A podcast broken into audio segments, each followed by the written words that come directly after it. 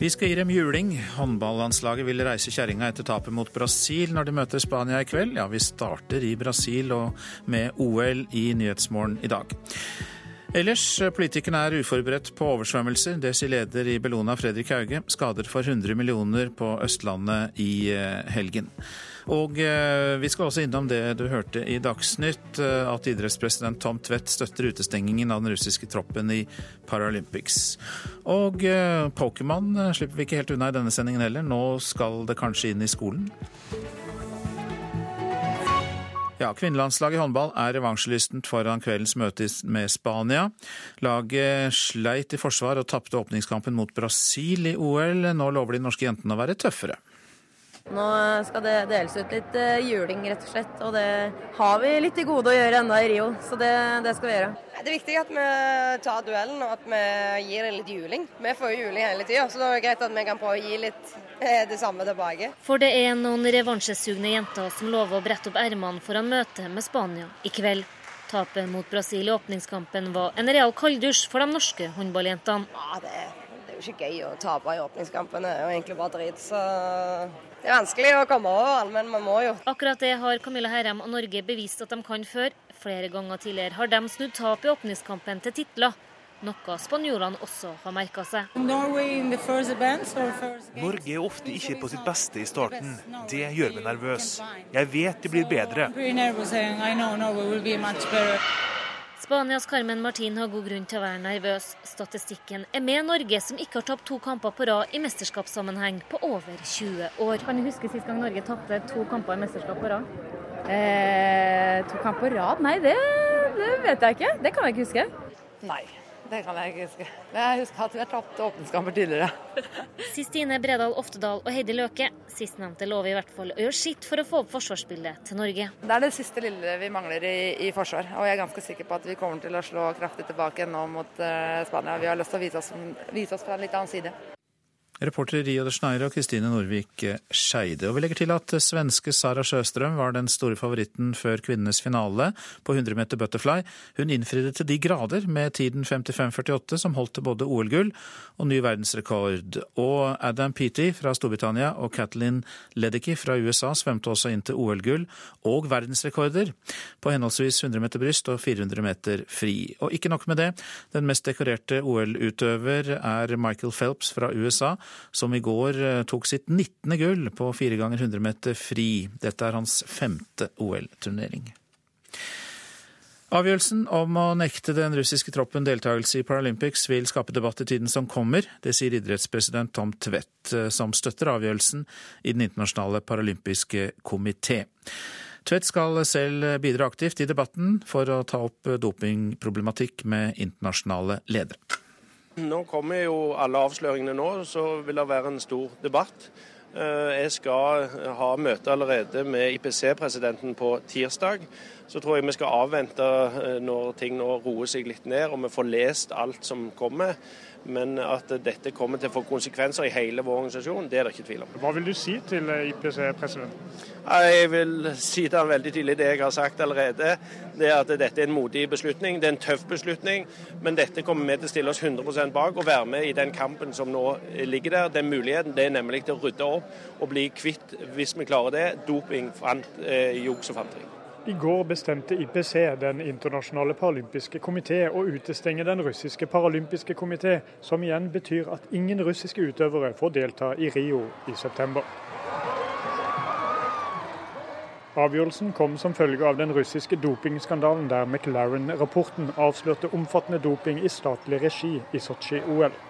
I perioden 2012-2015 skal 35 angivelig positive dopingprøver av russiske paralympikere ha forsvunnet, og under Paralympics i Sotsji ble prøver byttet, antagelig fra positive prøver fra konkurranse til eldre, rene prøver. Men Det er første gang vi ser denne type juks. En hel nasjon med myndighetene i spissen gjør dette. Dette er vi bare nødt for å gå gjennom. Dette er òg en mulighet for å rydde opp i dette en gang for alle. Tvedt er irritert og vil dopingen i Russland til livs. I tillegg til å være norsk idrettspresident, er han også president i Den norske paralympiske komité. Han velger å engasjere seg, selv om uskyldige utøvere blir rammet og straffet for noe andre har gjort galt. Det er tøft når det kommer, men dette må vi gjennom. Eh, og Det, det betyr òg at vi har en mulighet til å rydde opp og en mulighet vi må nå benytte. og Da må vi gjøre det ordentlig. Vi kan ikke holde på å flikke på dette her. Samtidig som vi må ivareta utøverne som står oppi dette. Eh, men vi, dette må vi bare få på plass, for dette handler om hele troverdigheten til idretten. Kjartan Haugen er leder av Norsk utøverkomité, og selv funksjonshemmet. Han støtter det norske engasjementet i dopingdebatten, og ikke minst avgjørelsen til IPC. Jo, jeg syns det er et veldig tøft vedtak. Eh, at de eh, går så drastisk til vekt her. og Det er også et vedtak som, eh, som jeg tror det er stor støtte blant norske utøvere, at det faktisk blir gjort. Russland har varslet at de kommer til å levere en anke til den internasjonale voldgiftsretten for sport, og reporter var Geir Elle. Avisen i dag. Det er frustrerende at vi ikke har råd til å eie, sier ekteparet Johanne og Benjamin Bøckmann, som er i 30-årene og har to barn. Flere unge familier har gitt opp håpet om egen bolig, kan vi lese i VG. Prisene på bolig i Oslo har gått opp med over 73% på ti år. Lyse hoder flykter fra Øst-Europa, er oppslaget i Aftenposten. De siste 25 år har 20 millioner flyttet vestover. Det kan bidra til å senke levestandarden til de ufaglærte og gamle som blir igjen, skriver avisa. Alkoholrisikoen er størst blant folk over 50, får vi vite i Bergenstidene. Leger bør lære seg faresignalene og snakke med pasientene, sier forsker Torgeir Gilje Lid. Han mener grensen går der det er flere dager i uka med alkohol enn uten. Byrådet i Oslo vil kreve at 10% av det arbeidet som gjøres for kommunen, skal utføres av lærlinger. Læreplass er et av de viktigste virkemidlene vi har for å få elever, elever gjennom skoleløpet, sier Arbeiderpartiets skolebyråd Tone Tellvikdal til Dagsavisen. Rød Ungdom krever liberal narkotikapolitikk, er oppslaget i Klassekampen. Rusavhengighet skal behandles som et helse- og sosialproblem, ikke som et kriminalitetsproblem. Det sier leder i Rød Ungdom, Linn Elise Øen Mælen. Salg av bøtter og kasser til laks har gitt fortjeneste på hundrevis av millioner. Finansavisen forteller om Sven Bekken på Frøya i Sør-Trøndelag, som har satset på salg av emballasje til oppdrettsnæringen og skapt en pengemaskin. Nordens største moské huser en utstøtt menighet, kan vi lese i Vårt Land. I den store hvite bygningen, som man lett får øye på langs E6 inn mot Oslo, holder Ahmadiyya-muslimene til. Det er en av verdens mest undertrykte grupper innenfor islam. Resten av den muslimske verden ønsker å bli kvitt oss, sier moskeens leder, Sahur Ahmad. Fra femte klasse skal alle elever i Trondheimsskolen få datamaskin, skriver Adresseavisen. Samtidig vrakes plattformen It's Learning, som brukes av mange skoler. Inn kommer et nytt læresystem utviklet i Sverige, basert på Googles verktøy. Tilliten til kylling er tilbake, kan Nasjonen fortelle, etter at produsentene kuttet ut tilsetningsstoffet nasarin i narasin, heter det, i fôret, har, har salget av kyllingkjøtt tatt seg opp igjen. I dag er det 20 år siden Trude Espås ble drept i Geiranger. Etterforskningen er den mest omfattende i norsk kriminalhistorie, men eh, drapet er fortsatt en gåte. det er dette området her en plass, men, men så er det så attvokst og så ugjenkjennelig at det er Jens Arne Hessegjerde har vært i skogholtet like ved riksvegen, der Trude Espås ble funnet talløse ganger. Nå, 20 år etter drapet, klarer ikke den pensjonerte lensmannen lenger å huske hvor de fant henne. Men jeg har en sånn feeling av at det, at det, det er oppi her. Altså. Men... Etter elleve dager med intens leiting var det et par på tur som fant en sko og varsla politiet. Samme kvelden ble 20-åringen funnet drepen, delvis gjemt under en stein. Vi brukte utrolig mye ressurser og tid på å løse denne saka. Så jeg det har ikke noe dårlig samvittighet til det. Noe vi, jeg vet at vi har gjort alt som sto i vår makt den tida. Det sto ikke på noen ting. Vi hadde mannskap, vi hadde ressurser. Og eh, der brukte vi. Takk skal du ha. Hotell Union i Geiranger, du snakker med Finn. Trude Espås hadde sommerjobb på Hotell Union og hadde ikke vært i Geiranger mer enn ei uke da hun forsvant. Hotelldirektør Carl Mjelva sier at det var forferdelig. Nei, Det er jo tragisk. Det har jo uvirkelig hele saka. Det gikk jo en stund før vi var klar over da, at det var skjedd en kriminalitet. Så det er jo klart det. Det setter sine spor i ei lita bygd. Folk så henne gå på butikken og handle, og deretter rusle utover langs fjorden. Ulike vitner fortalte at hun satt på en stein i flere timer. Men i 17-tida var hun brått borte. På steinen lå bare veska og boka hennes igjen. Nylig ble det kjent at politiet ber Kripos på nytt om hjelp. Trass i den mest omfattende drapsetterforskninga i norsk kriminalhistorie, er Espos-saka fremdeles ei gåte. Politimester Ingar Bøen sier at de neppe vil ha hjelp av ny DNA-teknologi, men mener de ikke kan legge bort Espos-saka, sjøl om det har gått 20 år. Slike saker blir ikke lenger forelda. Saker har aldri vært henlagt, og vil ikke bli henlagt. Så lenge det er et håp om oppklaring, så har politiet, samfunnet, et ansvar overfor de pårørende, de etterlatte, at vi gjør det som vi kan hele tida for å forsøke å få saka oppklart. Var det bra der oppe? Ja, det var jättemysigt. Koselig. Takk skal du ha. Hvert år får Geiranger besøk av 700 000 turister. Svært mange av de som er der nå, har aldri hørt om drapet i turistbygda. Chi Xiang-chu fra Taiwan har aldri hørt om Trude Espos, men sier at drap kan skje overalt. Have you ever heard about this girl who was murdered just uh, 200 meters from here 20 years ago? No, I haven't. No. Can, can you imagine uh, in this scenery that it's possible to, to do something like that? I think the, this kind of thing can be happen everywhere. Can happen everywhere. Det er ikke uvanlig å gå seg bort i fjellene i Geiranger. Flere har mist livet i de store fossene og måtte ha hjelp for å komme seg velberga hjem fra de bratte fjellene. Mange håpte de for lenge at også Trude Espås hadde gått seg en fjelltur og satt fast. Øystein Marok var sjøl med å leite, og sier drapet var et sjokk. De fleste her inne har jo vært med på nokså mange leteaksjoner tidligere. slik at vi, vi gikk jo ut ifra at dette her var en av de mange sånne type saker. Da. Så når det ble funnet da, til slutt etter ei uke, så var det jo et sjokk. Du får ikke Jeg klarer ikke å finne rette. For den pensjonerte lensmannen er det ikke så lett å glemme Espo-saka. Senest i helga ba han på nytt folk via Facebook om å komme med nye tips. Han sier at han fremdeles har håp. Jeg håper, men uh, tida, som sagt, den jobber jo mot oss. Nå har det gått 20 år. Tidligere lensmann i Stranda hørte vi der, Jens Arne Hessegjerde. Reportasjen var laget av Synnøve Hole.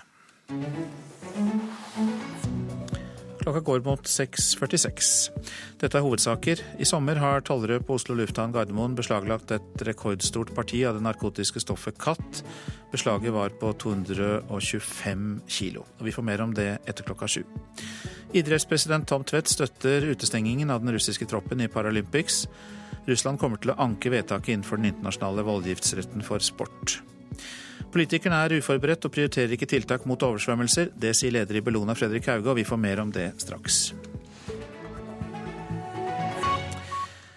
Ja, for Bellona-leder Fredrik Hauge mener altså at norske politikere ikke prioriterer skadene etter oversvømmelser.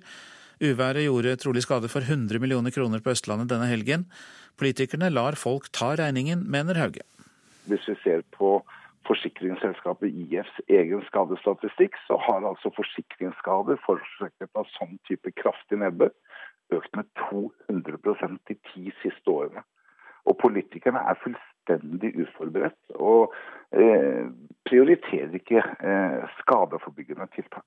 Hauge trekker frem en rapport fra Rådgivende ingeniørers forening som viser at det norske vann- og avløpssystemet har et etterslep på 200 milliarder kroner. Totalt sett så ser vi et investeringsbehov for tilpasning til klimaendringene i Norge på over 1000 milliarder på sikt. Dette er ikke på agendaen. Foreløpig virker det som politikerne har en strategi. La det skje, og la forsikringsselskapene betale, og øke regningen til kunden. Statssekretær Lars Andreas Lunde i Klima- og miljødepartementet sier det å tilpasse Norge til klimaendringene prioriteres høyt. Derfor satte denne regjeringen ned et utvalg som skulle se nettopp på den overvannsproblematikken. Altså når det kommer veldig mye store nedbemengder i, i byene, og derfor forårsaker det overvann på veier og at vannet renner ned i kjelleren. Eh, dette utvalget kom med sin, eh, kom med sin utredning eh, før jul i fjor. og Det har nå vært på høring, og Klima- og miljødepartementet jobber nå med oppfølgingen fra, fra, dette utvalget. Lunde legger til at regjeringen har bevilget 100 millioner kroner ekstra til klimaarbeid i kommunene.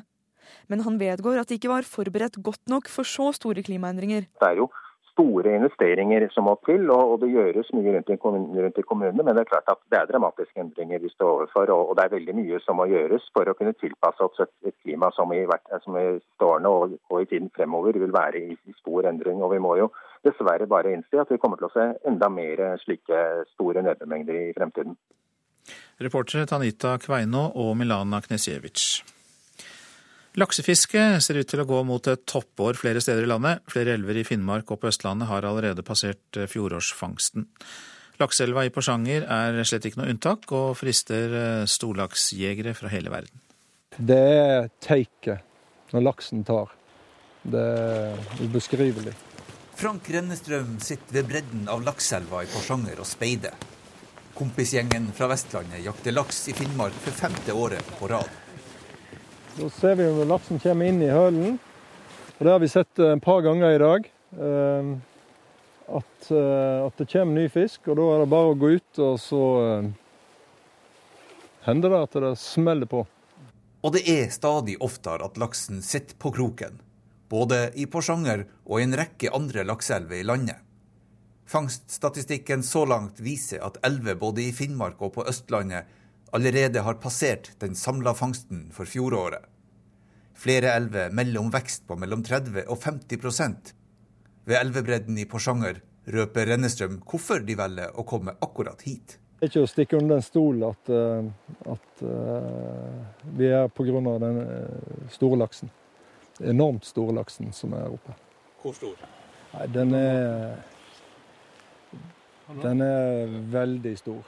Egil Liberg er daglig leder i Lakselv grunneierforening. Han er såre fornøyd med sesongen så langt. Nei, Det betyr i hvert fall at vi havner godt over snittet for de foregående åtte-ti sesongene. Så at man havner på en bortimot ti tonn, det tror jeg er innenfor rekkevidde. Lakselva i Porsanger utmerker seg ikke bare med mye og stor laks. Fiskerne setter nemlig ut rundt 40% av fangsten. Ifølge Liberg er fang og slipp en av årsakene til at fangstene er så gode. Vi har hatt en veldig positiv trend siden det der begynte. Og vi har sett spesielt på storlaksen, spesielt den store holaksen, at det har blitt veldig mye mer av dem. Den bærer jo på veldig mange rognkorn og er selvfølgelig veldig verdifulle for, for fremtida og de neste generasjonene som skal fiske her. Så viktig at man har visst magemål når man høster, syns jeg. da. Og det, det begynner å, eller det har slått godt om seg her i elva. Og et godt fiske har stor betydning for hele lokalsamfunnet. Det legges igjen mye penger av de tilreisende, tror jeg. Tror nok sånn sett Lakselva og for så vidt Stabburselva og Børselva det er nok nesten som hjørnesteinsbedrifter å regne på en måte. Eh, med, med, alt det som kommer i tillegg. Til har dere regna på hva det betyr? Vi har hatt et lite forskningsprosjekt på det. Jeg var en mastergradsstudent for noen år tilbake eh, som eh, fant ut at det lå nok på en 12-15 millioner i, i kroner inn i lokalsamfunnet som de tilreisende står for. Og vestlendingene som lander både mye og stor fisk ved en av Lakselvas beste fiskeplasser, støtter prinsippet om å slippe ut igjen fisken. Men ingen regel uten unntak for dem heller. Den eh, tar vi hvis vi har lyst til det og vi, vi kan det, eller vi setter den tilbake igjen hvis vi syns vi har fått nok laks. Reporter i Porsanger, Jan Harald Thomassen. Skoleferien går ubønnhørlig mot slutten, og dermed så får barn som har spilt Pokémon Go i sommer, begrenset spilletid. Men eh, om noen spillpedagoger får det som de vil, så kan eh, spillet fint kunne brukes i undervisningen. Eh, jeg tror det blir litt mindre, fordi det er jo lekser og skole. Det sier Ida og Ellen Skappel, som sammen med spillende familiemedlem er i Frognerparken i Oslo for å gjøre siste innspurt i den digitale Pokémon-fanginga før sommerferien er over. Men det blir kanskje ikke like mye som var i sommerferien. Nei. Men om spillpedagog Tobias Ståby ved Nordahl Grieg videregående skole i Bergen får det som han vil, kan det være mulig å holde fram med spillinga på skolen. Pokémon Go er et spill han ser for seg vil passe godt i undervisning til dømes i historiefaget. Disse pokestopsene som av og til knytter til et slags historisk minnemerke, så står det gjerne et lite avsnitt om hvem dette er en statue av, osv. osv. Og der er jo veien veldig raskt til over til et lite prosjekt i lokalhistorie, f.eks. Gå ut, så hvordan pokestops er der i nærheten av der du bor, skriv en artikkel om det du finner. Tidligere har Ståby bl.a. nytta samspilling av zombiehistoria The Walking Dead som grunnlag for diskusjon i etikk og religion, og med det blitt omtala i internasjonal spillpresse. Ved siden av jobben som lærer i historie, norsk og samfunnsfag, har han og en kollega 10 stilling hver til å utvikle undervisningsopplegg for digitale spill til bruk i norsk undervisning. Den mest liksom, universelle begrunnelsen for spilleskolen er at vi lærer gjennom opplevelser, alle spill er opplevelser. Men jeg tror en av fordelene med Pokémon GO, eller kanskje de spillene som kommer etter Pokémon GO igjen, er nettopp det at artig og interessant måte å komme seg litt ut av klasserommet på. Det å bruke Pokémon GO og, og det som egentlig er et kommersielt spill inn i undervisningen kan ha, ha mange positive aspekter. Det sier Eirik Jotten, rektor ved Revheim ungdomsskole i Stavanger, som har en master i bruk av IKT i skolen. Ved siden av bruk i kroppsøving synes han òg at Pokémon GO har pedagogisk potensial.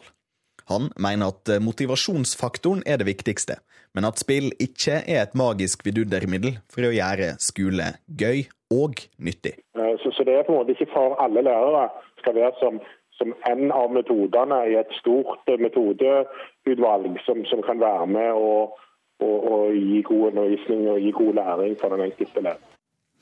Reporter Andreas Hadsel Opsvik. Og fra dataspill til kroppsbeherskelse. Det var ballettsommerskole ved Den norske opera og ballett i forrige uke, men eh, blant de mange ungdommene som fikk øve i Nasjonalballettens lokaler, så var det kun to gutter. En av dem tror gamle fordommer gjør at det ikke blir flere av dem med det første heller.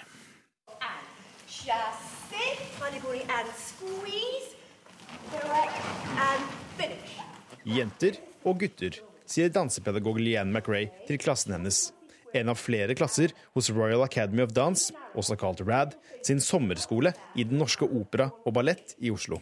Men i hennes klassiske ballettklasse med 23 ungdommer er det bare én gutt. Og det er 16 år gamle David McMillan Mikkelsen fra Jylland i Danmark. It's a bit annoying sometimes Why? because you want to dance with other guys so you can learn more about how to dance more manly and han synes det kan være irriterende å bare danse med jenter, fordi han vil lære å danse som en mann.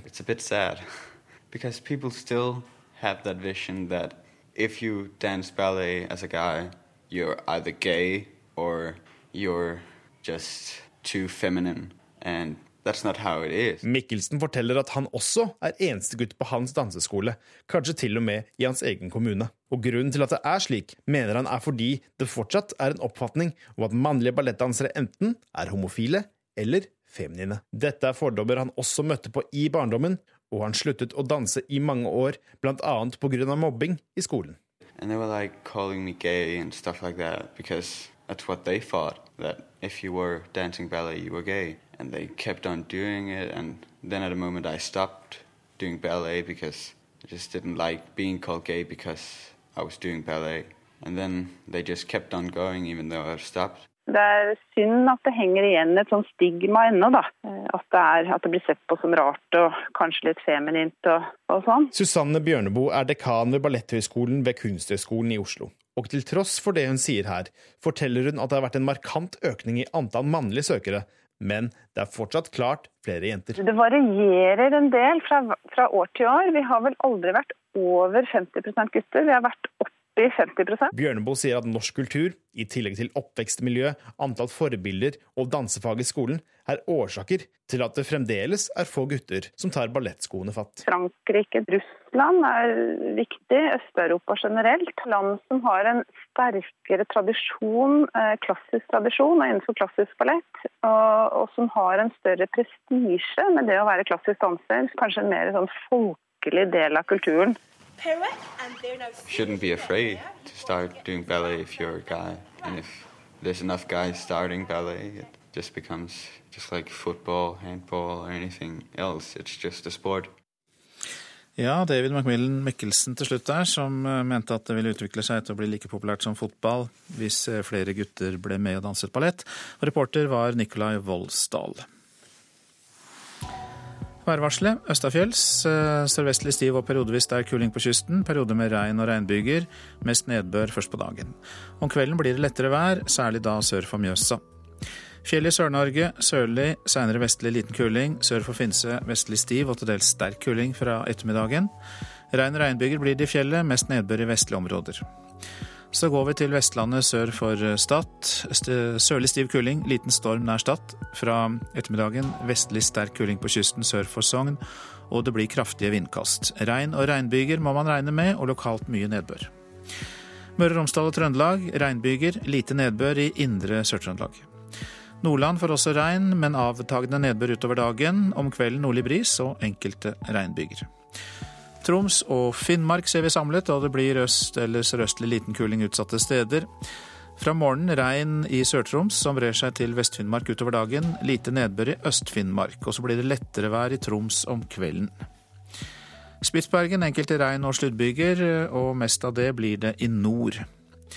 Og temperaturer målt klokka fem. Svalbard lufthavn seks, Kirkenes elleve, Vardø og Alta begge ti. Tromsø-Langnes åtte, Bodø 13, Brønnøysund 11. Trondheim-Værnes og Molde 13 grader. Bergen, Flesland og Stavanger begge 14. Kristiansand-Kjevik 15, Gardermoen 12. Lillehammer 13, Røros 11 og Oslo-Blindern 14 grader. Og etter klokka sju skal vi høre om Tyrkias president Recep Tayyip Erdogan, som i en tale i går kveld sa at han vil gjeninnføre dødsstraff. Han talte da til et massemøte i Istanbul. Og her i Nyhetsmorgen fortsetter vi med disse sakene. Tyrkias president vil gjeninnføre dødsstraff. Tusener gikk ut i gatene i Istanbul i går for å støtte Erdogan. Største parti noensinne av det narkotiske stoffet katt er beslaglagt av tolletaten.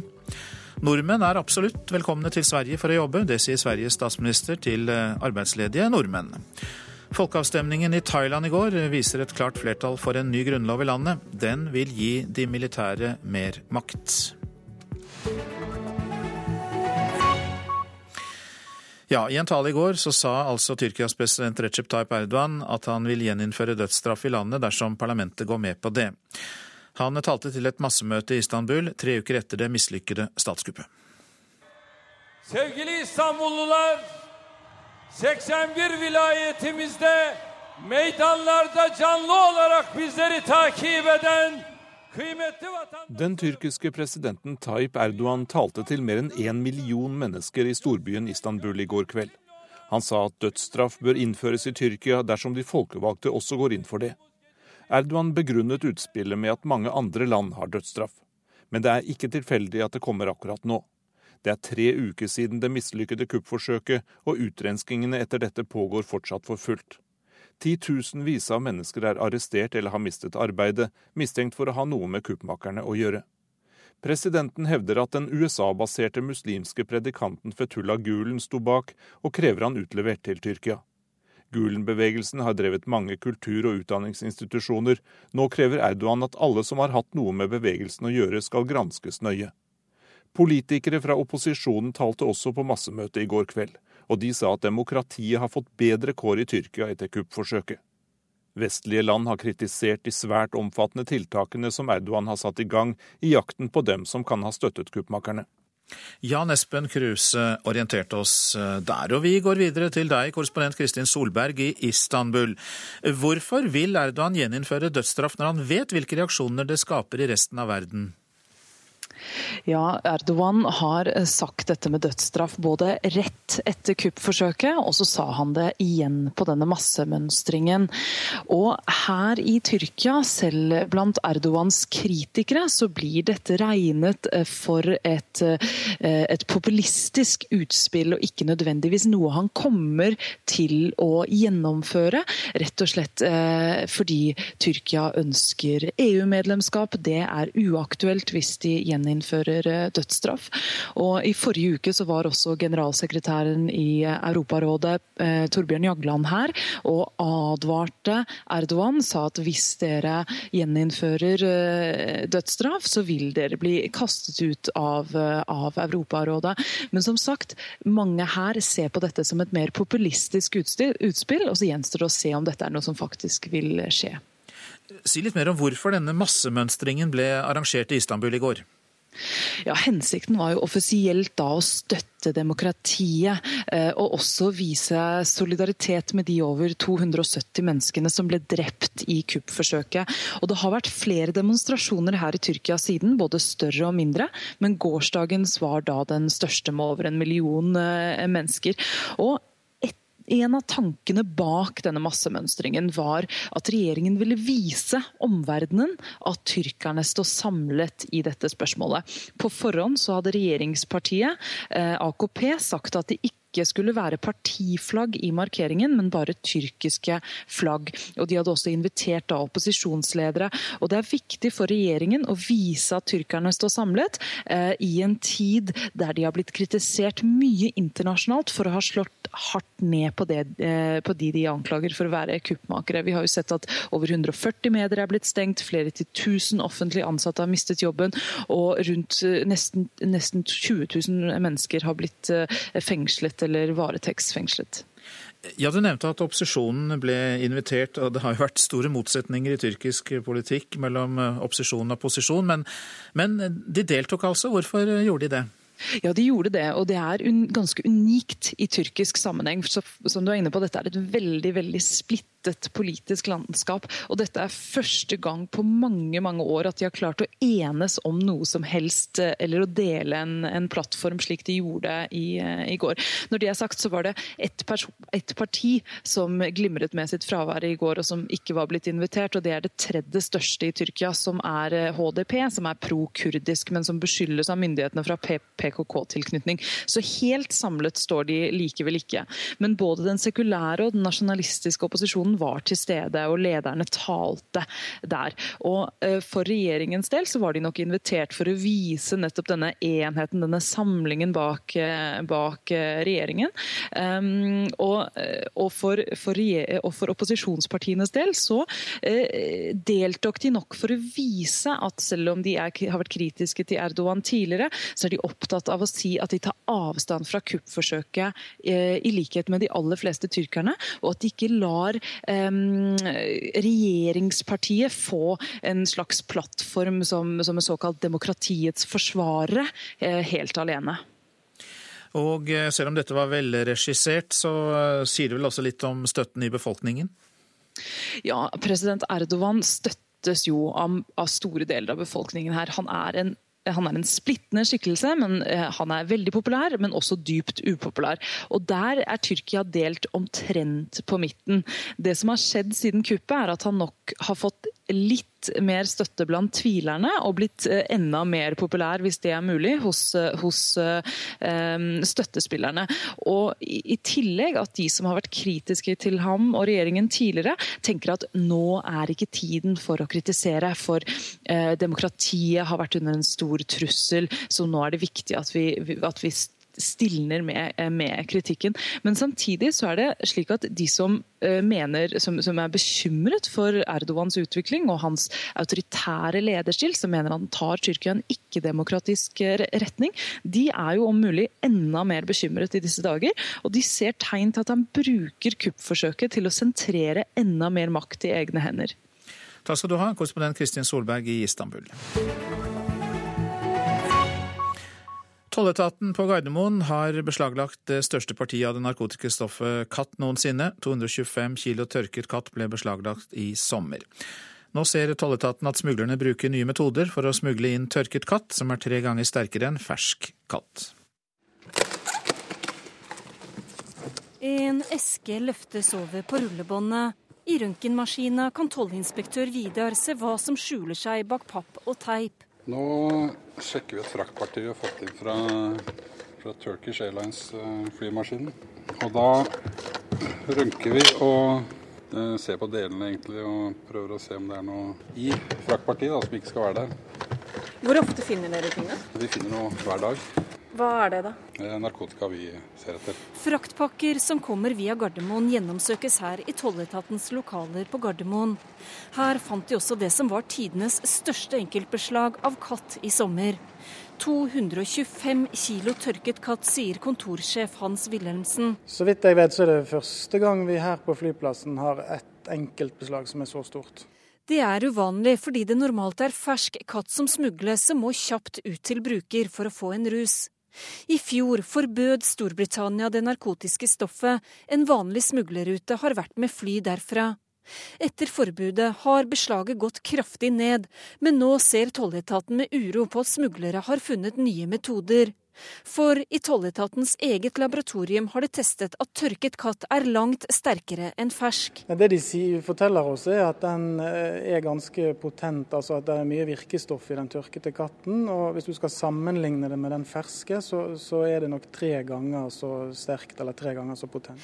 Langt færre beslag enn i fjor til tross. Det er vanskelig å si om bruken har gått ned. Med tanke på hvor mye vi har beslaglagt tidligere, så er det helt klart at det finnes brukermiljøer i Norge som som bruker katt, og de vil nok da gjøre det de kan for å få det inn på andre måter. I en park på Grønland, ikke langt fra kafeer som tidligere ble brukt til samlingssteder for å tygge katt av hovedsakelig somaliske menn. Etter forbudet i Storbritannia har det somaliske miljøet merket en kraftig nedgang av bruk, forteller leder av somalisk nettverk Bashe Musse. Så er det færre som tigger, men når det er fersk, så har det liksom litt det sosiale effektet, og liksom man snakker sammen og man gå på kafeer, og nesten alle de kattkafeene, tradisjonelle kattkafeene som vi visste om, er nedlagt. De er borte. Så jeg tenker liksom det er sånn ganske positivt, da.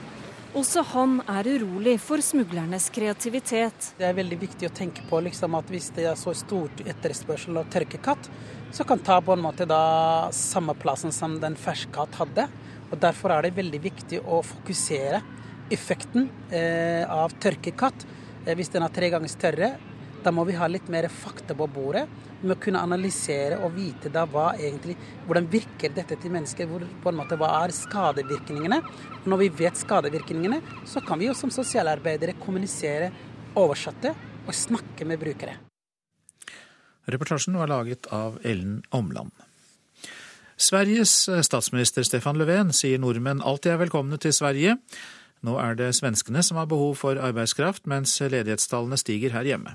Og I helga så besøkte sosialdemokraten Leven AUFs sommerleir på Utøya, og der har han mange beundrere. En av dem er Benjamin Jacobsen fra Hordaland.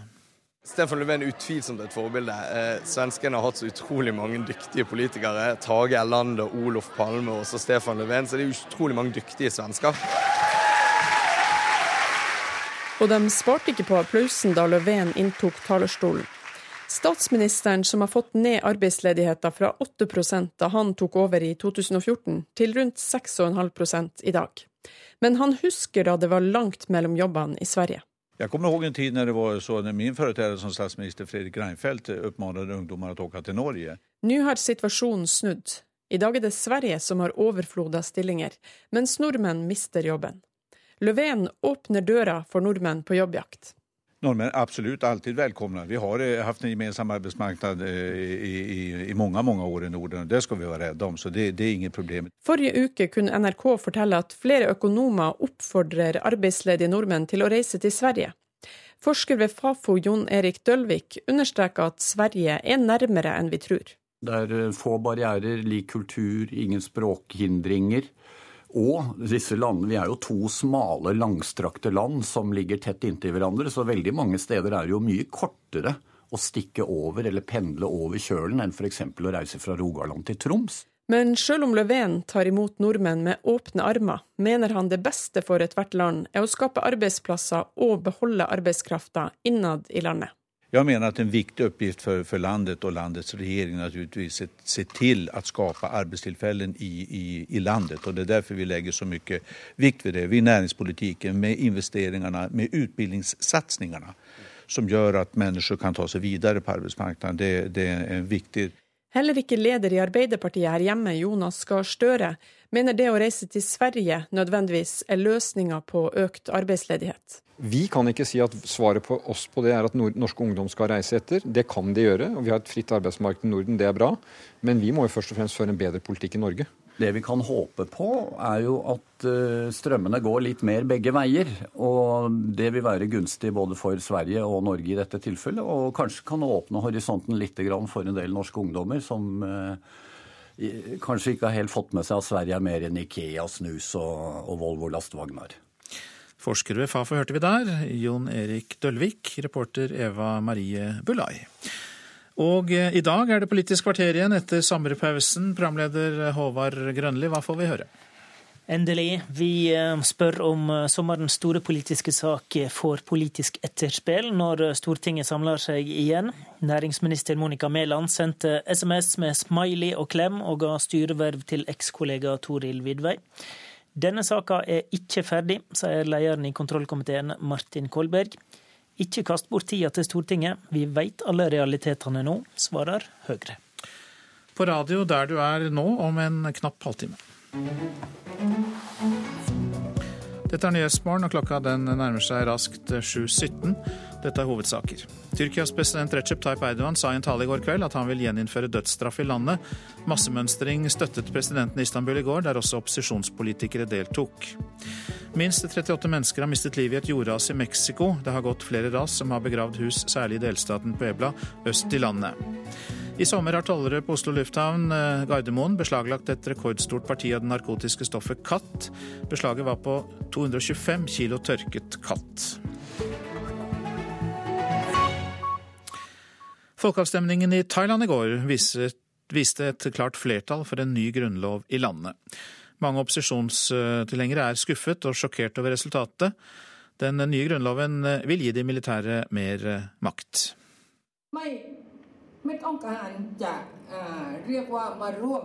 Opposisjonen holder pressekonferanse i Bangkok. Et panel på et podium orienterer om det sviende nederlaget i folkeavstemningen i går.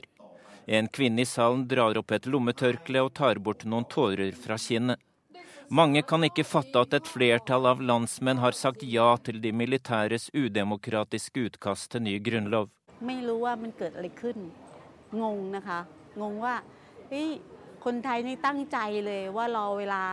jeg vet ikke hva som skjedde, jeg er forvirret. Vi har ventet på å gi de militære en lekse, hvorfor tapte vi? Det sier en fortvilet kvinne til nyhetsbyrået Associated Press. En mannlig velger er like overrasket. Eh, eh, eh, det endelige resultatet viser at 61 sa ja til de militæres utkast til ny grunnlov, 39 sa nei. De militære satte Thailands grunnlov til side da de tok makten i et kupp i 2014. De største partiene i landet har ikke fått lov til å mobilisere imot de militæres utkast til ny grunnlov. 200 000 politi har sørget for ro og orden. 50 millioner velgere hadde muligheten til å avgi sine stemmer. Oppslutningen har vært lav, det har tilhengere av den nye grunnloven tjent på. Opposisjonen har ikke klart å mobilisere massene. Mange demokratiforkjempere er sjokkert i dag, og kan ikke helt fatte det som har skjedd. Og det var Dag Bredvei som eh, orienterte. Og eh, Martin Nilsen, Thailand-ekspert og seniorforsker ved Fredsforskningsinstituttet PRIO, du er med oss nå. God morgen til deg. God morgen. Ja, Hvilke er de viktigste forandringene i Grunnloven? Ja, Det er at eh, Senatet nå blir 100% utnevnt og får vetorett over grunnlovsendringer. Og så åpner det for en ikke-valgt statsminister og kraftig kontroll over folkevalgte parlamentarikere. Hvordan vil folk flest kunne merke endringene? For, på sikt så har ikke dette så veldig stor betydning. Dette er nummer 21 i rekken av grunnlover siden 1932, så det blir ikke den siste. Eh, men det er to viktige formål som juntaen har hatt med dette valget. Det første det er å begrense eller demokratiske valgte politikeres makt og handlefrihet. Og Det betyr i klartekst å hindre Taksin Shinawat og kretsen rundt ham å gjenvinne innflytelse i Thailands politikk. Men det andre det er å dra ut tiden. Eh, det har gått to år å få på plass denne grunnloven, og det forespeiles at det skal ta ett og et halvt år til ytterligere før valglover og partilover er på plass.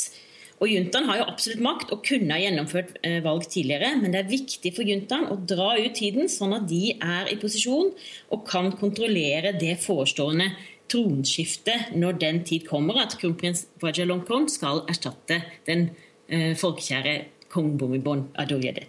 Og I mellomtiden da så holdes demokratiet som gissel i Thailand. Hvorfor er det tronskiftet så viktig? Eh, Kongehuset har stor uh, uformell makt i uh, Thailand, og veldig mange uh, mennesker i eliten i Thailand har investert mye tid og krefter og på å posisjonere seg rundt monarken. Og når det da blir tronskifte, så oppstår det både politisk og og økonomisk vakuum i Thailand. Og det er dette som er en stor del av bakteppet for både kuppet i 2014 og den prosessen vi ser nå. Med hvor hard hånd styrer de thailandske militære? Eh, det er, eh, det er, i praksis et eh, militærdiktatur. Det har vært det over to år nå. Og som vi hørte fra innslaget, så er det fravær av politisk debatt før dette valget. Valgloven forbyr i praksis all kritikk av Grunnloven. Og representanter for nei-siden har blitt arrestert eller detonert og utsatt for en rekke trusler. og Det er også en politikk som vi har sett de siste to, to årene fra opponenter mot militærjuntaen. Ja, Du nevnte jo at det har vært utallige grunnlover, og det har vel vært 19 statskupp siden 1932. Hva skal til for å få et mer stabilt styre? Jeg tror ikke denne grunnloven kommer til å, og som sagt, at den kommer til å vare. Og det blir ikke heller den som, som fører eh, stabilitet tilbake til, eh, til Thailand. Man eh, trenger å ha et uh, styre hvor, hvor demokrati, demokratisk valgte parlamentarikere har noe, sted, noe, å si. Men det er også viktig å bekjempe kriminalitet og, og korrupsjon, sånn som eh, juntaen sier nå at de prøver å gjøre med denne grunnloven. Men det viktigste for dem er altså å hale ut tiden og, og befeste sin makt i, i en eh, lang tid fremover. Så kan vi sikkert få overgang til demokrati etter hvert. Men velgerne ved dette valget har i realiteten ikke hatt noe valg. Demokratiet holdes som gissel. Stemmer man mot, så fortsetter diktaturet. Stemmer man for, får man valg, men uten, altså med udemokratisk system og med folkevalgt uten makt. Mange takk for at du orienterte oss eh, om eh, Thailand, seniorforsker ved fredsforskningsinstituttet PRIO, Marte Nilsen. Og vi har ikke glemt avisene. Det er frustrerende at vi ikke har råd til å eie, sier ekteparet Johanne og Benjamin Bøckmann, som er i 30-årene og har to barn. Flere unge familier har gitt opp håpet om egen bolig, kan vi lese i VG. Prisene på bolig i Oslo har gått opp med over 73% på ti år. Lyse hoder flykter fra Øst-Europa, er oppslaget i Aftenposten. De siste 25 år har 20 millioner flyttet vestover. Det kan bidra til å senke levestandarden til de ufaglærte og gamle som blir igjen, skriver avisa. Alkoholrisikoen er størst blant folk over 50, får vi vite i Bergens Tidende. Leger bør lære seg faresignalene og snakke med pasientene, sier forsker Torgeir Gilje Lid. Han mener grensen går der det er flere dager i uka med alkohol enn uten. Byrådet i Oslo vil kreve at 10% av det arbeidet som gjøres for kommunen, skal utføres av lærlinger. Læreplass er et av de viktigste virkemidlene vi har for å få elever gjennom skoleløpet. Det sier Arbeiderpartiets skolebyråd Tone Tellevik Dahl til Dagsavisen. Rød Ungdom krever liberal narkotikapolitikk, er oppslaget i Klassekampen. Rusavhengighet skal behandles som et helse- og sosialt problem, ikke som et kriminalitetsproblem. Det sier leder i Rød Ungdom, Linn Elise Øen Mælen. Salg av bøtter og kasser til laks har gitt fortjeneste på hundrevis av millioner. Finansavisen forteller om Sven, Bakken, Sven Bekken på Frøya i Sør-Trøndelag, som har satset på salg av emballasje til oppdrettsnæringen og skapt en pengemaskin. Nordens største moské huser en utstøtt menighet, kan vi lese i Vårt Land. I den store hvite bygningen, som har lett for øye på langs E6 inn mot Oslo, holder Ahmadiyya-muslimene til. Det er en av verdens mest undertrykte grupper innenfor islam. Resten av den muslimske verden ønsker å bli kvitt oss, sier moskeens leder Sahur Ahmad. Fra femte klasse skal alle elever i Trondheimsskolen få datamaskin, skriver Adresseavisen. Samtidig vrakes plattformen It's Learning, som brukes av mange skoler. Inn kommer et nytt læresystem utviklet i Sverige, basert på Googles verktøy. Tilliten til kylling er tilbake igjen, kan Nasjonen fortelle. Etter at produsentene kuttet ut tilsetningsstoffet narasin i fôret, har salget av kyllingkjøtt tatt seg opp igjen. Nå skal vi høre at stadig flere kvinner føder hjemme. Det har vært en dobling de siste årene, viser statistikk fra Medisinsk fødselsregister. Ønsket om en fødsel hjemme og i rolige omgivelser er en av grunnene til at flere kvinner velger bort sykehusfødsler. Begynner de å bli litt trett? Og favorittsmaken, hvor er den? Den er hos mormor. Vi får prøve med den. Fire måneder gamle Alva ligger i en kurv midt i stua hjemme i Båtsstø i Røyken og er nesten klar for å sove. Det var også her hun slo øynene opp og myste mot foreldrene for første gang den 27. mars i år. Da hadde vi et uh, oppblåsbart uh, badekar her, som vi fylte med vann. Riene satte i gang uh, sånn rundt fem. Klokken åtte, da var jeg godt plassert nede i karet. 38 år gamle Karina Kolsrud fra Båtsstø beskriver livets største øyeblikk en fødsel det er godt å tenke tilbake på. Hennes forrige fødsel for snart elleve år siden forløp ikke slik. Derfor var hjemmefødsel et svært bevisst valg for Karina. Her visste jeg at uh, her hjemme kunne jeg følge kroppens egne signaler og ta det som det kom. Det var ingen som uh, skulle ha meg hit eller dit, eller det var ikke masse mennesker ut og inn av dørene. Det var uh, samboeren min, og det var jordmødrene, og det var en hund, og det var meg. og det var rolig og fint. Stadig flere kvinner velger å gjøre som henne, og føde hjemme. Og flere jordmorteam har dukket opp de siste årene. Hjemmefødsel er ikke en del av det offentlige tilbudet, og de er fremdeles ikke mange.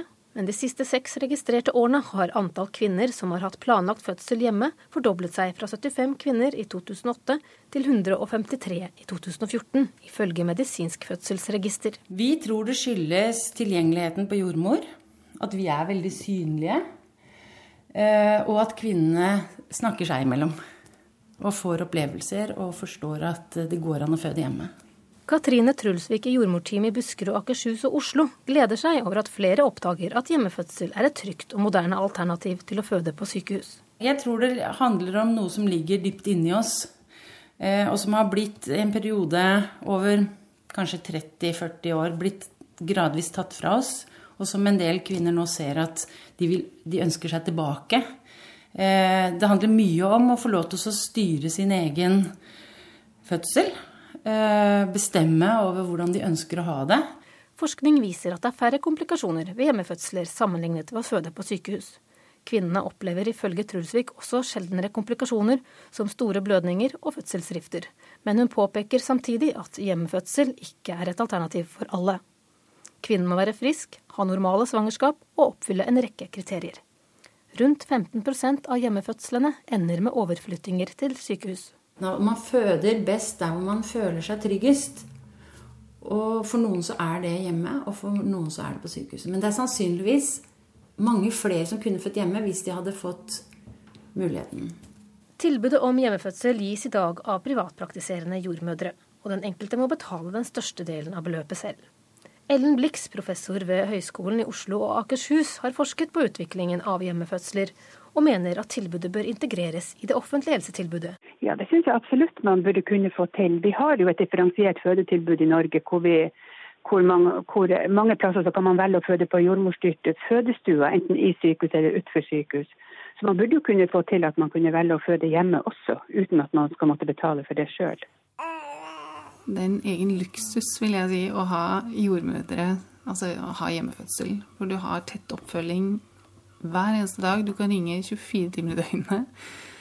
Og de er der etter fødselen i like stor grad. Karina Kolsrud til reporter Merete Glorviken. Produsent for Nyhetsmorgen i dag, Kari Bekken Larsen. Her i studio, Øystein Heggen. Wales ble den nye yndlingen til mange under Europamesterskapet i fotball. I sommer, altså. Hør mer om språk og kultur der i reportasjen etter Dagsnytt. Og hva blir etterspillet etter sommerens omstridte utnevnelse av Toril Vidvei til styreleder i Statkraft? Mer om det i Politisk kvarter.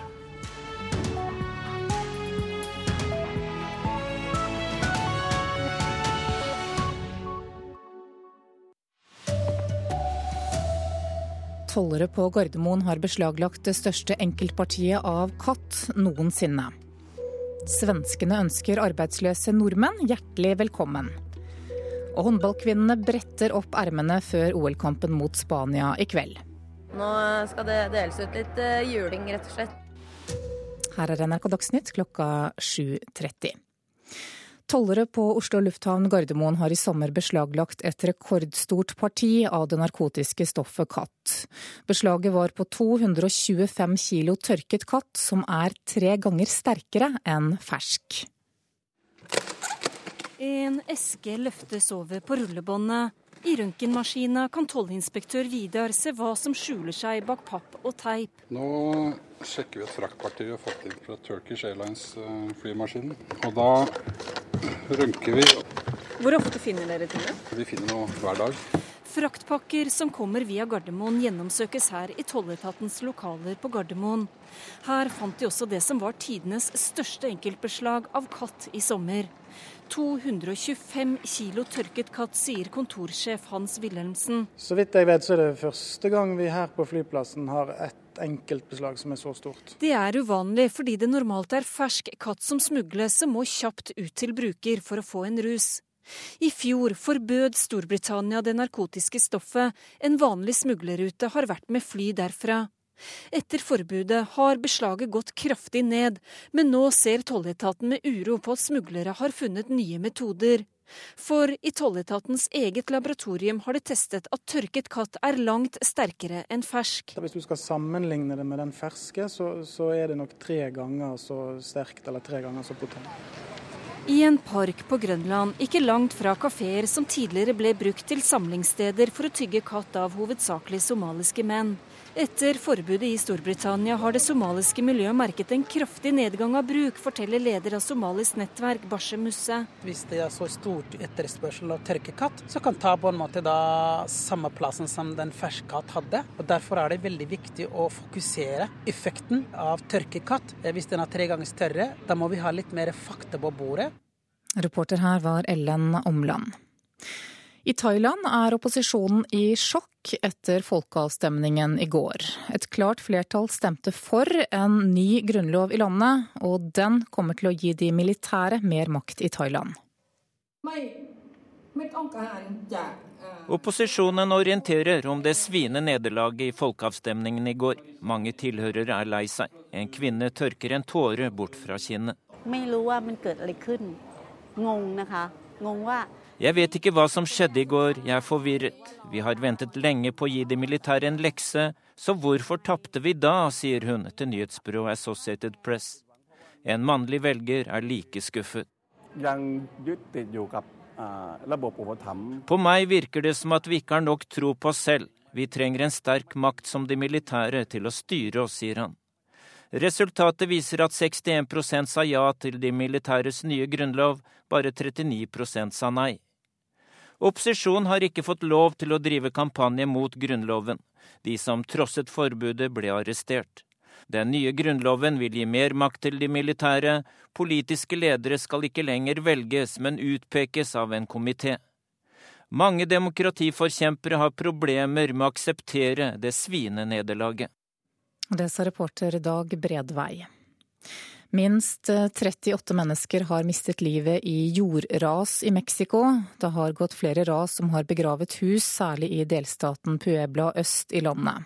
Årsaken er den tropiske stormen Øl, og minst 15 av de omkomne er barn, ifølge nyhetsbyrået AFP. Nordmenn er velkomne til å komme til Sverige for å jobbe, det sier statsminister Stefan Löfven. Nå er det svenskene som har behov for arbeidskraft, mens tallet på arbeidsløse stiger her hjemme. Nordmenn er absolutt alltid velkomne. Vi har hatt en gemensam arbeidsmarked i, i, i mange mange år i Norden. Det skal vi være redde om, så det, det er ingen problem. AUF-erne sparte ikke på applausen da Sverige sin statsminister gjesta sommerleiren på Utøya i helga. En sosialdemokratisk statsminister som har klart å få ned arbeidsledigheten fra 8 da han tok over i 2014, til rundt 6,5 i dag. Men han husker nedgangstidene i Sverige. Jeg kommer ihåg en tid når det var så når min foretreder som statsminister Fredrik Reinfeldt oppfordret ungdommer å åke til Norge. Forrige uke fortalte NRK at arbeidsløse nordmenn burde reise til Sverige for å finne jobb og forsker ved Fafo Jon Erik Dølvik understreker at Sverige er nærmere enn vi tror. Det er eh, få barrierer, lik kultur, ingen språkhindringer.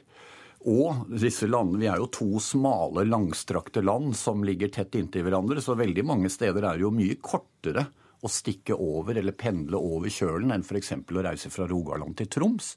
Sjøl om Löfven åpner armene for nordmenn, mener han det beste er å skape arbeidsplasser og beholde arbeidskraft innad i eget land. Jeg mener at en viktig oppgift for, for landet og landets regjering naturligvis er å se til å skape arbeidstilfeller i, i, i, landet. og Det er derfor vi legger så mye vikt ved det. Heller ikke Ap-leder Jonas Gahr Støre tror løsninga på økt arbeidsledighet nødvendigvis er å reise til Sverige. Vi kan ikke si at svaret på oss på det er at norsk ungdom skal reise etter. Det kan de gjøre, og vi har et fritt arbeidsmarked i Norden, det er bra. Men vi må jo først og fremst føre en bedre politikk i Norge. Reporter var Eva Marie Bulai. Og nettopp svenskene kan juble over sitt første OL-gull i Rio de Janeiro. Svømmeren Sara Sjøstrøm satte i natt ny verdensrekord i finalen på 100 meter butterfly for kvinner.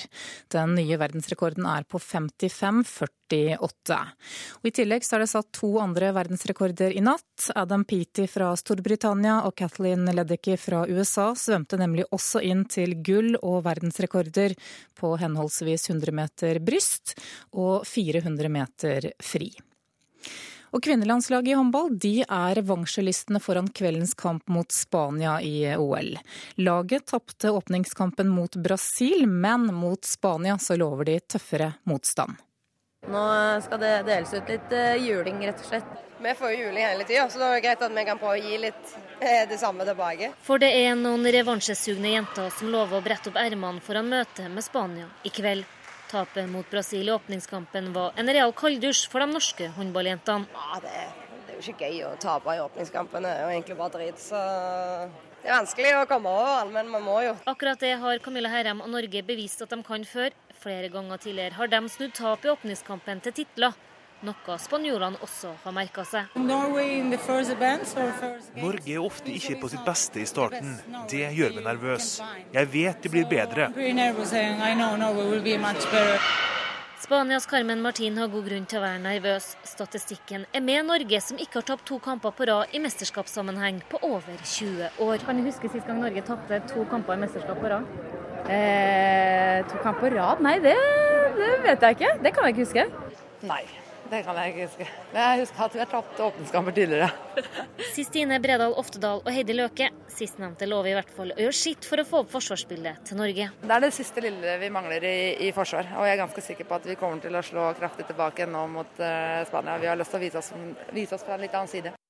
Reporter i Rio det er Kristine Norvik Skeide, og Kampen den kan du høre på P1 og DAB-kanalen NRK Sport fra klokka 19.40. Pokémon Go er et spill som egner seg godt i undervisningen på skolen. Det mener spillpedagog Tobias Ståby.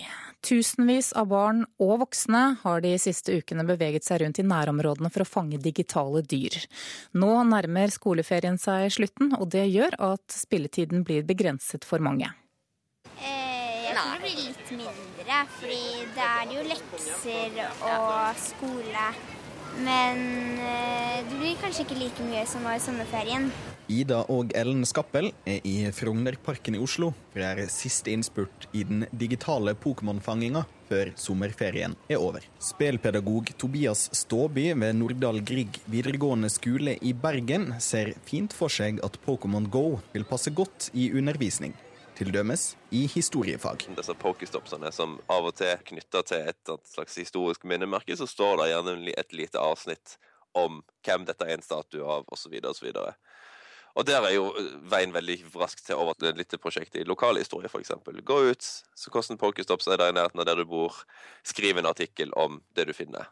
Ved siden av jobben som lærer har han og en kollega 10 stilling hver til å utvikle undervisningsopplegg for digitale spill til bruk i norsk skole. Fordelen med Pokémon GO, eller kanskje de spillene som kommer etter Pokémon GO igjen, er nettopp det at artig og interessant måte å komme seg litt ut av klasserommet på. Det kunne vært en fin skoleoppgave. Ja. ja. Det er en god idé. Det er en god idé. Ja. Reporter Andreas Hatzel Opsvik, ansvarlig for NRK Dagsnytt Elise Heisel Asbjørnsen, og her i studio Anne Jetlund Hansen.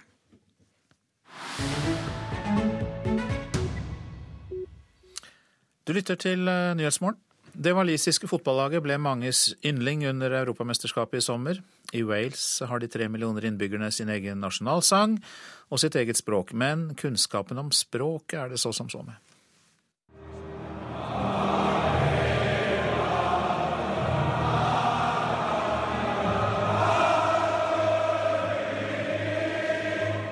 Hvis du har hørt walisisk i sommer, så er det vel helst slik det hørtes ut.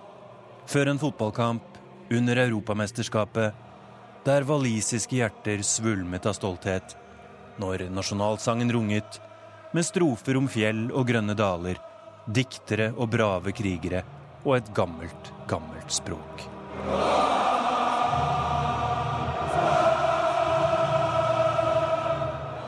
Et 4000 år gammelt språk, faktisk. Det eldste på de britiske øyer. Men også et språk som stadig færre walisere forstår eller kan snakke. Et språk som kan varte opp med veldig mange konsonanter etter hverandre. Og med stedsnavn som er en solid munnfull for enhver nyhetsoppleser eller værmelder. Just up the road from Llanfair to Pwllgwyngyll, Gorgeric Go Go Gogogor. Europas lengste stedsnavn med 58 bokstaver. Akkurat det der.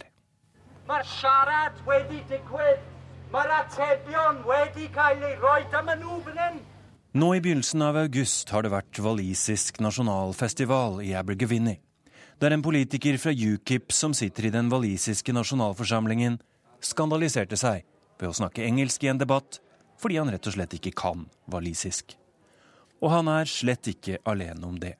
Ifølge siste folketelling er det 81% av waliserne som nå ikke snakker språket. Så å si alle snakker engelsk, men bare 562 000 av landets drøye tre millioner innbyggere er walisisktalende.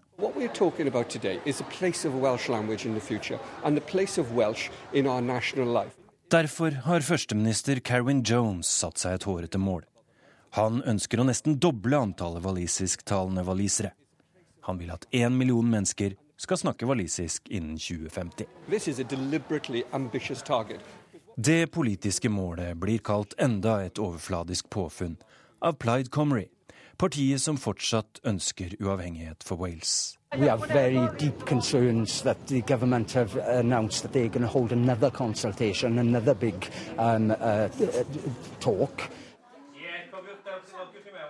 Og på puben The Cambrian, som kommer fra det gamle latinske navnet for Wales, er det få som har noen særlig tro på den nye språkoffensiven. If there's no one around you speaking it, then you're not going to do it yourself, you. well, I'd love to learn Welsh. Wish I, wish I had when I was younger, to be honest with you. I'd like to see it happen, to be honest with you, but is it? That's a, Men formelt har walisisk vært likestilt med engelsk i Wales siden 1998. Alle offentlige kontorer skal kunne behandle saker på begge språk, og alle veiskilt er tospråklige. Vel, nesten alle. For noen få år siden vakte et av de tospråklige veiskiltene stor oppsikt og generell munterhet. På engelsk fastslo skiltet No entry for heavy goods vehicles, residential site only. Ingen adgang for tungtransport, dette er et boligområde. På walisisk sto det derimot i samme skrifttype litt lenger ned Jeg er ikke på kontoret akkurat nå, send inn det som skal oversettes. Skiltmakerne hadde sendt inn den engelske teksten på e-post, fått et autosvar fra en walisisk fraværsassistent, og i god tro trykket det svaret på veiskiltet sitt.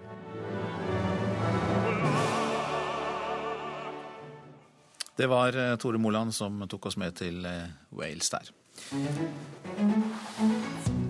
Hovedsaken i Nyhetsmorgen. I sommer har tollere på Oslo lufthavn Gardermoen beslaglagt et rekordstort parti av det narkotiske stoffet katt. Beslaget var på 225 kilo tørket katt.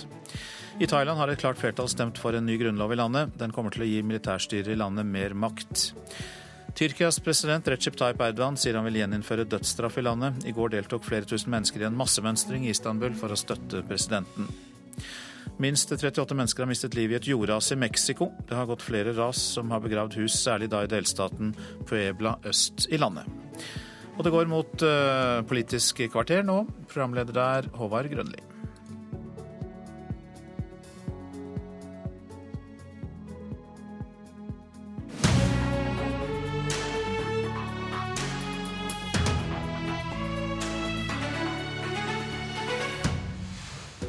Blir det politisk etterspill i høst etter føljetongen i sommer? Næringsministeren ga styrelederverv til partikollegaen. Denne saka er ikke ferdig, sier Arbeiderpartiets Martin Kolberg. Ikke kast bort tida, vi har alle realitetene nå, svarer Høyre. Fortvil ikke over at det er høst, for da er Politisk kvarter tilbake. I dag spør vi også om den mest omtalte studieturen i sommer egentlig er et politisk røykteppe. Men den heiteste politiske saka i sommer har altså vært næringsminister Mæland, som ga styreledervervet i Statkraft til tidligere regjeringskollega og Høyre-venninne Toril Vidvei. Var det ei vennetjeneste til en tidligere kollega, eller var det en reell prosess med flere kandidater? Før helga konkluderte Lovavdelinga i Justisdepartementet med at Mæland ikke er inhabil i sitt forhold til Vidvei. Veit du da det du trenger å vite i denne saka, Martin Kolberg, leder i kontrollkomiteen fra Ap? Ja, Jeg registrerer jo at Høyre veldig tydelig sier nå at alle realitetene ligger på bordet. Og eh, Den viktigste realiteten vi vet, det er jo at vi har disse SMS-ene som eh, dokumenterer at her har det vært en, en nær kombinasjon, en nær, nærmest en avtale på forhånd om at uh, Vidvei skulle få denne stillingen. Og Det er tydelig i strid med de retningslinjene vi har for utnevnelse av så viktige verv. Og uh, Hvis det viser seg å være riktig, så er det veldig alvorlig. Og uh, Det som jeg kommer til å ta initiativet til nå, det er jo at jeg vil kontakte de andre medlemmene i kontrollkomiteen for å høre deres syn på om det er nødvendig at vi har et møte om ikke lenge, for å drøfte om vi skal åpne sak eh, i forbindelse med dette. Fordi eh, det er også en annen side ved dette som eh, ikke er klarlagt, og det er jo statsministerens rolle. Og jeg mener at hun ikke har redegjort for den på en fyllestgjørende måte. Og det er helt nødvendig også å få gjort før vi eventuelt kan lukke denne saken.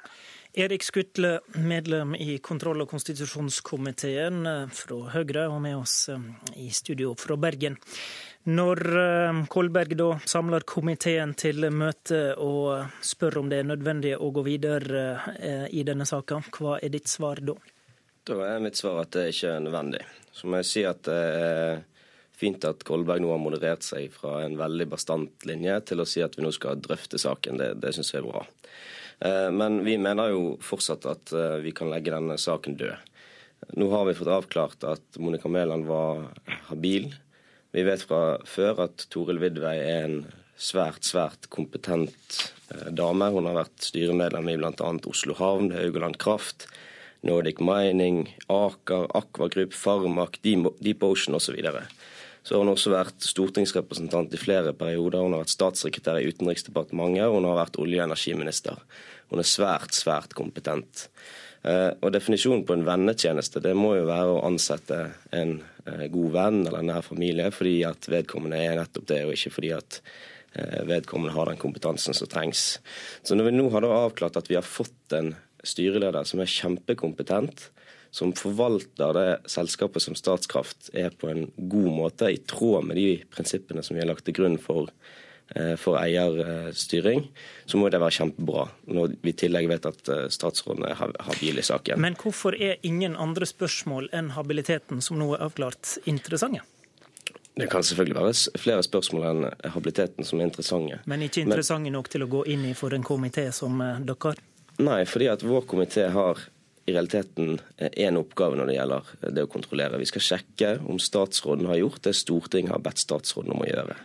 Det vi har bedt statsråden om å gjøre, det er å finne kompetente folk til styrene i de, i de statlig eide selskapene. Men hvis det er avtalt spill, så er det i strid med retningslinjene, sier Kolberg. Ja, Det er jo ikke riktig. Eh, for det første så skriver jo Mæland i sitt svar til Vidvei i disse SMS-ene som, som nå er ute at eh, god morgen, saken om styret er på vei opp til meg i form av et SF-notat som skal oversendes til Finansdepartementet SMK for fullmakt. Som svarer jo at her er det en eh, prosess. Og så eh, sier, har jo også Mæland sagt i, i, offentligheten at her har det vært eh, en reell saksbehandling. Der er, har vært flere kandidater som har vurdert. Departementet har jobbet med saken siden før nyttår. Og det vil jo være helt uhørt om man driver og drøfter andre aktuelle navn i offentligheten som nå ikke nådde opp i, i denne omgang. Og Dessuten så er det også sånn at hvis, eh, selv om eh, Mæland er tydelig på at det har vært en eh, andre kandidater har vurdert, og det har vært en helt rutinemessig prosess i departementet, så er det tross alt eh, næringsministerens prerogativ å velge styreledere i de statlige selskapene. Kolberg, statsråden er i sin fulle rett, sier Skutle, til å peke ut den hun mener er skikka til å være styreleder. Hvorfor er det da viktig å finne ut når hun bestemte seg? Nei, Det er klart hun er det. Og jeg har aldri bestridet at Vidvei er kompetent til dette vervet. Jeg har aldri sagt noe negativt om det. Det vi imidlertid ikke kan ha, det er at man gjør avtaler med venninner om at de skal få en slik stilling på et tidligere tidspunkt. Jeg hører hva Skutle nå sier om den ene SMS-en. Men SMS-en fra Vidvei til statsråden gir jo en tydelig indikasjon på at her foreligger en avtale på et veldig tidlig tidspunkt. Men, men, men for, for, å gå helt grunnleggende til verks, Kolberg, hvorfor er det eventuelt problematisk når statsråden er i sin fulle rett til å utnevne styreleder? Nei, det, det, problematiske er at Høyre ved mange korsveier har angrepet Arbeiderpartiet langs det samme sporet. De har sagt at dette var partipolitikk. De har sagt at de skulle renske Arbeiderpartiets partiutnevnelser ut av statsadministrasjonen. Så det er viktig fordi dere skal ta Nei. igjen, da, altså? Nei, det viktige er å sørge for at regjeringen følger Stortingets vedtak. Og Stortingets vedtak er at det skal være reelle prosesser knyttet til dette. Det er det det, er det, det handler om. Skutle, det skal være re... Ja, la Skutle svare på det. Det skal være reelle prosesser. Ja, og det sier jo Mæland at det har vært. Og da, og da skal vi bare tro på det, og ikke undersøke det? Altså, vi kan, vi kan, ikke på Stortinget bruke tiden vår på alle mulige konspirasjonsteorier som, som finnes der ute. Men har, har ikke vi en kontrollkomité for å undersøke at regjeringa faktisk utøver makta si på riktig måte, da? Ja, men det har jo regjeringen gjort. Her har Mæland vært habil. Og så uh, har vi fått en meget kompetent uh, styreleder, som, er, som, er, som jo er det viktigste i denne saken. Det er jo det som er det viktigste for Stortinget. At vi forvalter vår felles, felles formue på en måte som kommer storsamfunnet til gode.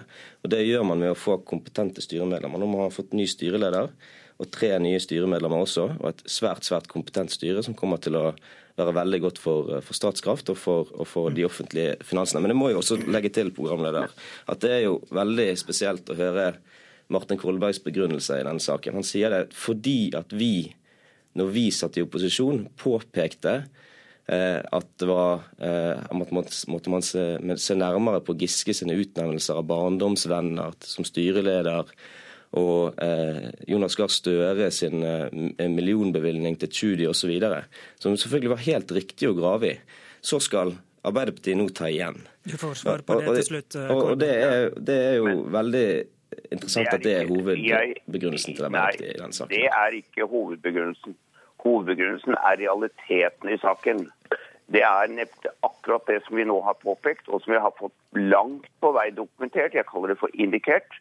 At eh, vi har her med en partiutnevnelse å gjøre, en venneutnevnelse å gjøre. Ja, men Da, da som, sier du også som, samtidig at Toril Vidvei ikke er kompetent, at Toril Vidvei er utveit fordi at hun er Høyre-medlem, og det er jo ikke riktig som trumfer det som er Stortingets retningslinjer for hvordan så viktige ting skal håndteres. Fordi Det var ingen, var ingen spesiell grunn til at man skulle skifte ut den styreleden man hadde. og Det er ikke gitt én eneste skikkelig begrunnelse for det. Og Derfor er det helt nødvendig at vi går videre på denne saken, slik som jeg har Martin Kolberg og Erik Skutle, takk begge to. Vi får se om Kolberg får med seg andre partier i kontrollkomiteen.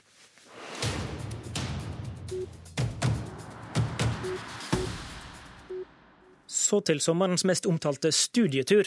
Venstre-leder Trine Skei Grande og FrPs partileder og finansminister Siv Jensen har vært i Canada for å se på hvordan en kan innføre miljøavgifter i bytte mot skattelette. Men når Venstre-lederen drar på en slik tur, er det jamgodt med å legge ut et røykteppe. Det mener du, partisekretær i SV Kari Elisabeth Kaski.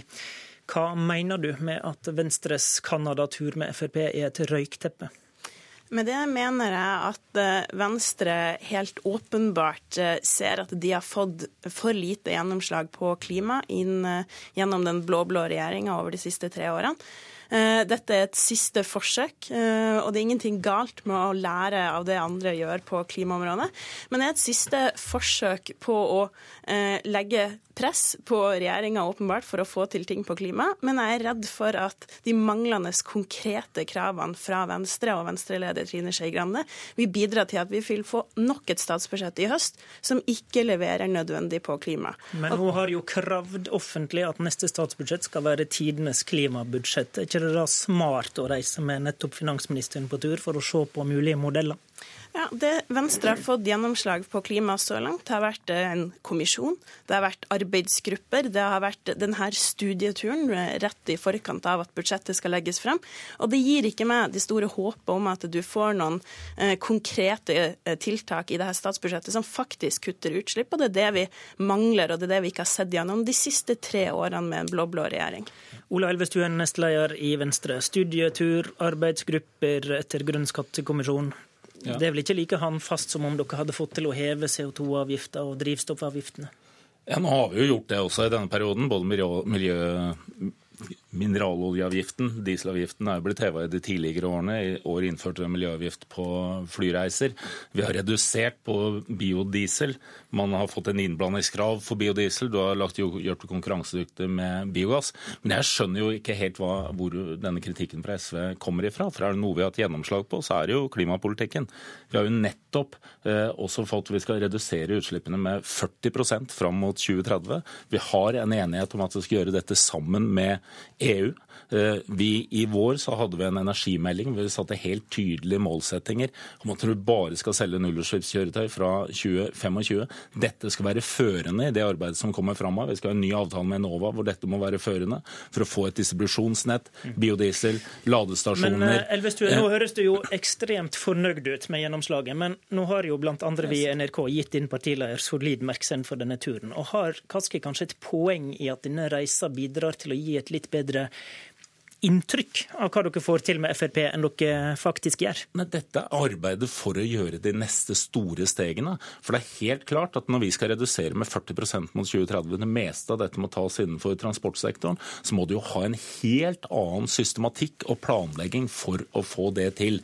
Du må se utover det som er det enkelte mm. statsbudsjett. det er det dette er. Dette handler om at du må få en helt annen systematikk inn i Nasjonal transportplan, inn i det arbeidet som du skal gjøre framover. Og så er det et vesentlig poeng og forskjell fra SV er jo at dette er jo et system for å ha et grønt skatteskifte ikke bare økninger, men du skal også redusere skatter og avgifter. Altså, noe jo SV virkelig som, aldri har gått inn for. Det er også som vi har holdt på de siste årene. Vi ser at etter den blå-blå regjeringa kom til makta, så har man ikke videreført det grønne skatteskiftet fordi man har vært uenig om at man faktisk må øke miljøavgiftene. Og de avgiftene som du trekker fram, har altså ikke bidratt til å fortsette den enorme veksten i elbilsalget som vi fikk til under rød-grønn regjeringa.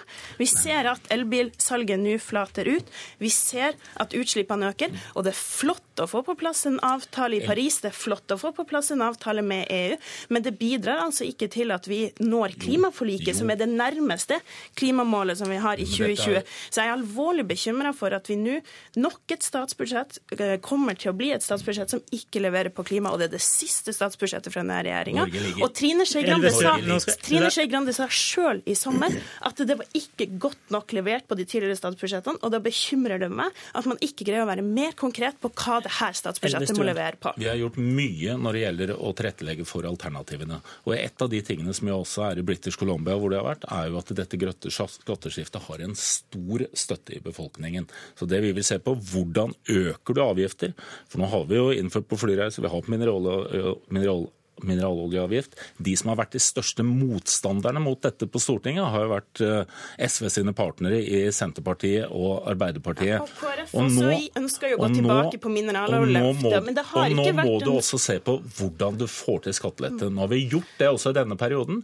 I SV sitt forslag for statsbudsjett i 2017, nei, 2016 så hadde man altså rene skatteøkninger i størrelsesorden 23 ja. milliarder kroner. Man har aldri gått inn for en reduksjon. Vi hadde en fordelende Hallo, som er det helt store poenget med denne fra oss. Med dette erklærer vi at den politiske høsten er i gang. Vi får se om studieturen får effekt når statsbudsjettet blir lagt fram. I studio, Håvard Grønli. Hør flere podkaster på nrk.no podkast.